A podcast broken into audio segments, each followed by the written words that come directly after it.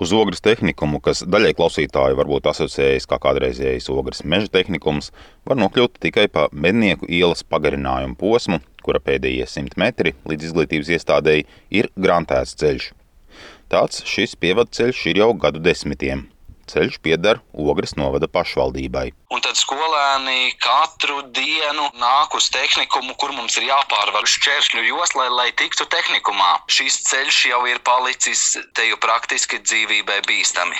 Ir bedre, kur jebkurš cilvēks var salauzt kāju, jebkurš cilvēks tur var iekrist. Un mēs audzēkņi šobrīd esam histērijā, mēs nezinām, ko darīt. Tas ir Ogres tehnikuma trešā kursa audzēknis Krišānis Kalniņš, topošais namdaris. Satraukumā par ceļa briesmīgo stāvokli audzēkņu grupa devās pie ogres mēra Egila Helmaņa no Nacionālās apvienības. Un Helmaņa kungs īsti nekādu sakarīgu risinājumu nepateica. Viņš tikai paņirgājās par šo te problēmu. Es arī parādīju viņam fotogrāfijas, es parādīju viņam visu. Es arī viņam parādīju fotografijā ļoti bīstamu vietu, un Helmaņa kungs šo problēmu vēl pat tagad nav atrisinājis. Tā kā viņam ir vienalga izskatās. Tā kā audzēkņiem vienalga nebija, viņi problēmu aktualizējuši arī skolas direktorei. Padomu prasījuši skolas juristam Mārim Bērziņam. Viņam izstāstījuši arī par mēra ideju bīstamo ielas posmu uzdāvināt tehnikumam. Bet nu, es jauniešiem izskaidroju, ka tā dāvināšana jau tā nevar notikt. Un viņi prasīja, ko darīt. Un es viņiem izskaidroju jauniešiem, kad ir saņemta vēstule no Ogres novada domes, kad šis jautājums tiks skatīts domas sēdē par budžetu. Un, un, un es teicu, ka tad var arī piedalīties tajā domas sēdē, jo domas sēdes ir atklātas. Ogres tehnikuma direktore Ilze Brante Latvijas radio stāsta, ka Ogres domēji skolas vārdā rakstījuši vēstules ar lūgumu sakārtot savu ceļu. Jautājums aktualizēts gan vecāku sapulcēs, gan izglītības iestādes konventa sēdē. Janvārī no domas saņemta jaunākā atbilde. Kā 24. gada budžeta projektā ir paredzēti finanšu līdzekļi šīs brauktuves asfaltēšanas darbiem. Šie būvdarbi tiks uzsākti tikai tad, kad nepieciešamais finansējums tiks akceptēts budžetā. Direktoris Brāns teiktais gan ir pretrunā ar mēra Helmaņa dienu iepriekš tehnikuma audzēkņiem pausto, ka ogres dome par ielas posmu neliksies nezinis. Tāpēc mēs ar audzēkņiem vienojāmies, ka es kā tehnikuma direktore vēlreiz sagatavošu vēstuli Ogres novadomēji ar lūgumu iekļaut šo ceļu šajā budžeta pieņemšanas sēdē. Audzēkņi vakar bija pie manis un šodien es strādāju pie šīs vēstules.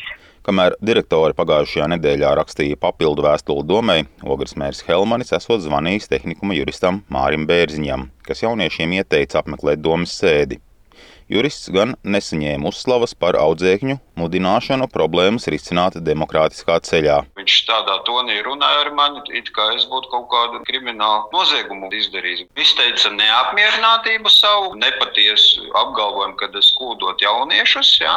nepilngadīgs personas un ka viņš iešot nākošā dienā tikties ar tehnikuma direktori klātienē, kur arī man būs jāpiedalās kā pedagogam. Ja? Tas tonis ir tāds, ka tiešām sajūta bija tāda, ka viņš grib mani atbrīvot no darba demokrātiskā valstī nu, tāda attieksme nav pieņemama. Mēs jau necīnāmies par kaut kādu personīgo labumu. Mēs cīnāmies, lai ir sakārtota Ogres pilsēta. Sajūta ir tāda, ka nav mums demokrātiski iekārta, bet kaut kādi tas tā kā vēl uz kaut kādiem atpakaļ padomju laikiem. Tāda sajūta diezgan nepatīkama sajūta ir. Arī tehnikuma direktora atzīst savu audzēkņu aktivitātes, sakot, ka pati pēc viņu sūdzībām dabūja uzskaidroties medijiem par karstā ūdens vai aizkara problēmām. Taču viņa savus jauniešus nevis kritizē, bet tieši uzteic par pilsonisko aktivitāti. Turklāt trešajā kursā visi ir pilngadīgi, kam gan atklāts domas sēdes apmeklējumā nebūtu nekādas nozīmes. Ogres mērs Helmanis ir citās domās. Tās gan neizdodas uzzināt uzreiz. Halo, zvaniet man! Jā, Kupčs Edgars no Latvijas radio ziņu dienas patraucēja. Jā, paldies, vēlēšanos! Ko lūdzu? Halo! Pēc mirkļa apdomāšanās mērs Helmanis tomēr vēlreiz atzvana. Ir uh, problēma, ka pieaugušie, kāds pieaugušais mēģina uzkūdīt tos audzēkņus. Tā ir problēma, jo mācību iestādē jānodarbojas tikai ar mācību procesu īstenošanu. Uzkūdi jauniekļus, varbūt pat arī nepilngadīgus Tas nav pārāk ētiski. Ja kāds šeit mēģina šos bērnus izmantot tādās vietās, nu, tad tas nav, nav smuki, nav galīgi. Bet ielu lietoja arī šie audzēkņi. Jūs piekrītat, ka pieaugušiem jātiek skaidrībā pašiem? Tur lielākā daļa laikam, no tiem, kas pie jums bija, ir pilngadīgi. Un tam īstenībā nebūtu droši vien nozīmes, vai pilngadīgs vai nepilngadīgs. Nu, tam jau nav nozīmes. Nu, Domē, ir savs uh, budžets. Budžeta ietvaros skatās šos jautājumus. Budžeta ietvarā būs paredzēts arī šis jautājums šogad. Es jums nevaru pateikt. Jums domas sēde ir 14. Ja, februārī. Jā, Tad arī varētu tas izšķirties šajā dienā. varētu arī nešķirties. Liksiet atlaist šo juristu. Mums nav tādas tiesības. Atšķirībā no pašvaldības struktūrām, Ogres domē tiešām nav tiesība diktēt personāla politiku valsts izglītības iestādēs. Taču Ogres domē būtu pienākums pildīt pašu radītos noteikumus un likumdevēja pieņemtās normas savās skolās. Taču Latvijas radio rīcībā nonākušie tiesas spriedumi ļauj secināt, ka doma vairāk kārt gājusi pretiesisku ceļu.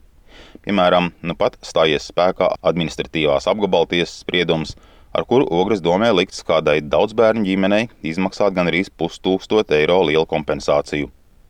Tāda uz tiesu aizgājušajiem ogrēniešiem pienākas, jo Covid pīķa laikā pirms diviem gadiem doma atteica pārtikas pakas viņu bērniem, kas neapmeklēja skolu, bet mācījās no mājām. Tiesvedībā redzamas dokumentu viltošanas pazīmes un domas ignorance, neatbildot uz ģimenes vēstulēm. Dome tiesai skaidrojās lakoniski. Pieteicēji atteicās no mācībām klātienē, jo nevēlējās veikt Covid-19 pārbaudes testu. Ēdināšanas pabalsta piešķiršanas mērķis ir nodrošināt, lai izglītojamie izglītības iestādē saņemtu maltīti. Turpretim, iegūstot izglītību ģimenē, ēdināšanas pienākums gulstas uz bērnu vecākiem vai aizgādņiem. Tiesa gan atzina, ka Ogres doma likumu un noteikumus savās interesēs tulkojusi pārāk šauri, jo ēdināšana daudzbērnu ģimenes bērniem jānodrošina neatkarīgi no formas, kādā tie iegūst izglītību. Tikmēr cits tiesas spriedums rāda, ka ne visiem Ogres novada bērniem pašvaldība ir nodrošinājusi iespēju tikt uz skolu, lai mācītos klātienē. Kā stāsta tiesā pabijušo vecāku pārstāvis Kārlis Avotiņš, problēmas sākušās vēl pirms teritoriālās reformas, kad tā laika Ikšķilas un Ogres domes atteikušās gādāt par savstarpējiem skolēnu pārvadājumiem. Dome solījusi risinājumu pēc novada apvienošanas. Pienāca 21. gada septembris, mums nostādīja faktu priekšā, ka nekur nekādus bērnus uz ogres novada skolā mums te nevedīs. Kaut gan mums te, nu, teiksim, tīnūžu pusē dzīvojot, ir tā, ka tā ogres skolas ir tuvāk nekā Ikšķila. Nu, tad mēs atkal savācām vecākus parakstus, uzrakstījām pašvaldībai iesniegumu, lūdzu nodrošināt šo skolēnu transportu, kas ir paredzēts likumdošanā. Mums, mums vienkārši neatbildēja, mums ignorēja. Nu, iesniedzām prasību tiesai. Pirmajā instancē tiesa piekrita dažiem vecākiem un lika domai sekt bērnu vadīšanas izdevumus. Ogres doma vērsās apgabaltiesā, bet otrā instance nevis piekrita domai, ka bērni nav jāvadā, bet par labu vēl divām ģimenēm piedzina vairākus simtus eiro. Kamēr ritēja tiesvedība, Ogres doma turieniešiem izkārtojusi sabiedrisko transportu. Par šīm tiesvedībām Latvijas radio lūdza Ogres domas komentāru. Tomēr pašvaldība rakstiskā atbildē to atteica. Ņemot vērā, ka jūsu veidotie sižeti par Ogres novadu un Ogres novada pašvaldību nav bijuši objektīvi un saturējuši maldinošu informāciju, mēs neredzam iespēju sniegt jums interviju. Pēc mēra Helmaņa izvairīgajām atbildēm nav arī iespējams uzzināt, vai doma šodienas sēdē lems par tehnikuma pievadceļa sakārtošanu, jo atšķirībā no citām domēm Ogres interneta lapā budžeta projekts nav izklāstīts. Edgars Kupčs, Latvijas radio.